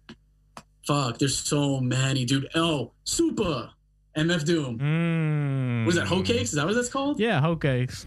Yeah, I got this girl and she to- wants me to do her. I told her I'd come scoop her around eight. She said, super. Super. Like I had to fucking play that for so many people. I'll never forget. I'd be like, this shit is fire. Oh, Rock Flow Yeah. Yeah. came out in what was that 04? And like that we had that single and we used to rock that shit, man. We used Mhm. to blast that. The thing about hoe cakes is that got me into Anita Baker. Uh, Like, I don't want to cool. sample snitch, but that's the one, and I've been talking about it like a lot of times. Yo, well, Ooh. I know where he got the sample. How he got it. He was at the homie DJ John Doe's crib. And he's and Doom saw the record and goes, Yo, can you dub me that? Or give me that? Or what? I think he gave him the record. He gave him the record that was used for that shit. Wow. it's not my story to tell, but it came up in context, so I kind of. Yeah. I feel like people want to know that. That is how he got the record, dude. Yeah. Yeah, but I heard a lot of stories like from uh, uh, Bobbito in, in podcasts and shit. He was talking about it like how Doom would go to certain people, like even Bobbito, to get like certain records because he would know like someone got that record and he would be like, Can I use that one? Because I need to make this and this beat. Like, so it so makes cool. perfect sense. What a genius, man. Damn. That's so dope. Oh, they they just did um they just they did you see the the street sign the MF Doom the Yeah. KMD MF Yeah. Doom way? Yeah. Yeah. That's on Long Island. That's Long Beach, Long Island. Yeah. Um, that's where Doom and his brother were from and stuff. And Yeah. that's so cool. That's so cool that he had like that did that for them, dude. That's like beautiful. It- you know what I mean? Speaking of Doom. it, it's a weird thing. Like when I was younger, you would like really hold on to certain uh, uh, artists and certain movies that were like important to you, and you didn't want them to become more famous or whatever. but today, I was having dinner with my little brother, and it's really fun to me. Like like I'm gonna get a tattoo in February, and I, I want the the MF Doom mask, and I showed the photograph, like because uh, his mom, uh, uh, my dad's new wife, he- he was asking like, "Oh, what you gonna get?" And I was like, "Well, Yeah. I'm gonna get this," and I showed the picture, and my little brother was like, "Yeah, MF Doom," because he started following MF Doom because of me and everything, and my Oh. dad was like, "Oh yeah, there's the MF Doom mask, and it's so beautiful." Like back in the days, I wanted to keep everything to myself, but it's so beautiful to see how many people are up on everything that Doom did. Like when the news came out, it was like Yeah. New Year's Eve for us, and and to see all Yeah. these Dutch media outlets that have nothing to do with underground hip hop or whatever the fuck talk about Doom was such a beautiful thing, and that that transcends like so many things. Because back in the sick. days, Doom was my thing. Like like. Yep. I didn't like anybody else rocking a Doom shirt because it would be like, no, that, that- that's that's my jam, and it's beautiful how big it became, and that he has his own street now. Like, yeah, that that shit puts a smile on my face. Hell yeah, dude! I love that you said that it was your thing because getting back to my boy Ports, the one that passed away back when we were in high school, Yeah. he's the one who put us onto all the underground shit. Like I knew like Mm. Mobb Deep and Gravediggaz. I didn't know the underground shit. I knew like the stuff you had to dig for for the commercial, but good hip hop at the time. You know, in the mid '90s, late '90s, and uh, yeah, like really late '90s, like '98 ish. And he put us onto a lot of shit, but he would always have one stipulation: you can't show people this stuff. So he put me on the Mood. Remember Mood? He put us onto Yeah. Mood, and he like let me borrow the CD or some shit, like dub a tape of it or whatever the fuck. And he's like, you can't show anybody this shit though. Mhm. And like you get what he you get where he was coming from, right? Mhm. And I showed my one friend Derek Smith, who Ports didn't know at the time. Shouts to Derek. I showed Derek, and then one day Derek had the tape, and Ports is like, "Where'd you get this tape?" And he goes, "Oh, I got it from from Jimmy." And he's like, God damn it, Okay. Derek. okay, okay. And he came and checked me on it. He's like, so you showed Derek Smith mood, huh? I'm like, come on, man, you gotta get the music out there though. And he's like, all right, I won't show you anything else. And like I got talked him into keep showing me like more music. He put me on the Del, like all my favorite shit, dude, like Big L, like all that kind of stuff. But like that, but think about the mentality in the late '90s Yeah. and shit like that, dude. Or even just when you're younger. It's just even when you're younger. It's like, yes. do you want you want them to be like copyright said, your own personal private artist? Copyright said Yeah. Yeah. song June. yeah. Well, Nailed it. to take it back to the, the the nu metal era my first girlfriend i played her orgies Candyass and i was like don't share this with anyone because that was my record back in the days like you were saying like well you might laugh about Korn and Limp Bizkit and deftones no orgy was like the Orgy. next level thing like you don't tell people you love orgy No, like is, don't, isn't but they were that the band that did Blue Monday cover? Like, yeah, that's the band. And I loved Candyass, but I didn't want to share it with anyone except my first girlfriend. And I was like, please keep this to yourself. Dude, I respect it. Yo, but like they were good. They were actually good. Fuck it. Yeah. I love it, bro. I love it, man. I want to, yo, I want to come out there and just chill with you guys, bro. We could like do this all day. Oh, man. I can't believe we haven't asked you what you talked about, talked to Eminem about with. Like, like how, how did we not? Oh, Oh, I saw you getting triggered, and I was like, I'm not but gonna but go I'm, with but I'm thinking I'm thinking may, like maybe this is like a recurring segment that we do like story time with James or something and that you should I'm like, that we every once in a while like um we Let get you know. on the on the podcast and uh and, and we get another gem because this is I don't So what you're saying is we're gonna keep this one. yeah we're gonna we're gonna keep this one We're gonna use the the the, the J57 way of working. Yeah know we're we gonna got keep it in the vault We're gonna, keep, it in, the vault for a sec that's my life right there, baby. Let's get it, dude. I pre- yo, we could do this anytime, even if we're just, do, yeah, we could do that, bro. I got, Oh, man. I have a list of stories that I have to tell. Like I have to write a book. I have to. shit I have to write a book. Dit is een podcast van KINK. Voor meer podcasts, playlists en radio, check kink.nl.